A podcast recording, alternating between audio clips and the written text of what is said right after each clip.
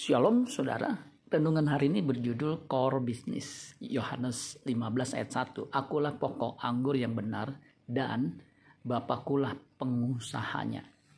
Dalam kekristenan, core business Bapa di sorga adalah bagaimana mengubah manusia dari berkodrat dosa menjadi manusia berkodrat ilahi. Inilah core business. Bisnis pokok atau bisnis inti Bapa di sorga yang harus kita ketahui.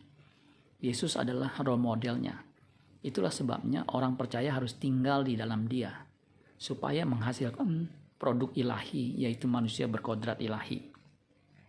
Yohanes 15 ayat 4 sampai 6. Tinggallah di dalam aku dan aku di dalam kamu. Sama seperti ranting tidak dapat berbuah dari dirinya sendiri kalau ia tidak tinggal pada pokok anggur. Demikian juga kamu tidak berbuah jikalau kamu tidak tinggal di dalam aku.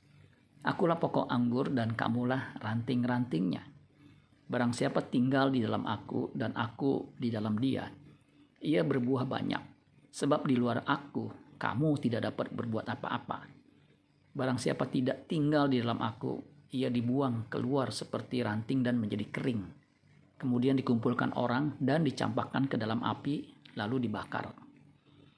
Sebelum Kristus naik ke sorga, ia pun memberi amanat agar para rasul dan orang-orang percaya saat itu melanjutkan bisnis Bapa ini, yaitu menjadikan semua bangsa murid Kristus, yang sama dengan menjadikan orang lain memiliki karakter ilahi seperti Kristus. Jika gereja tidak menjalankan core bisnis yang Bapa kehendaki, maka gereja itu yang pertama-tama akan dihakimi.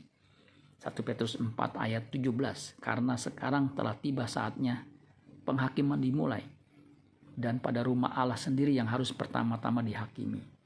Dan jika penghakiman itu dimulai pada kita, bagaimanakah kesudahan dengan mereka yang tidak percaya pada Injil Allah?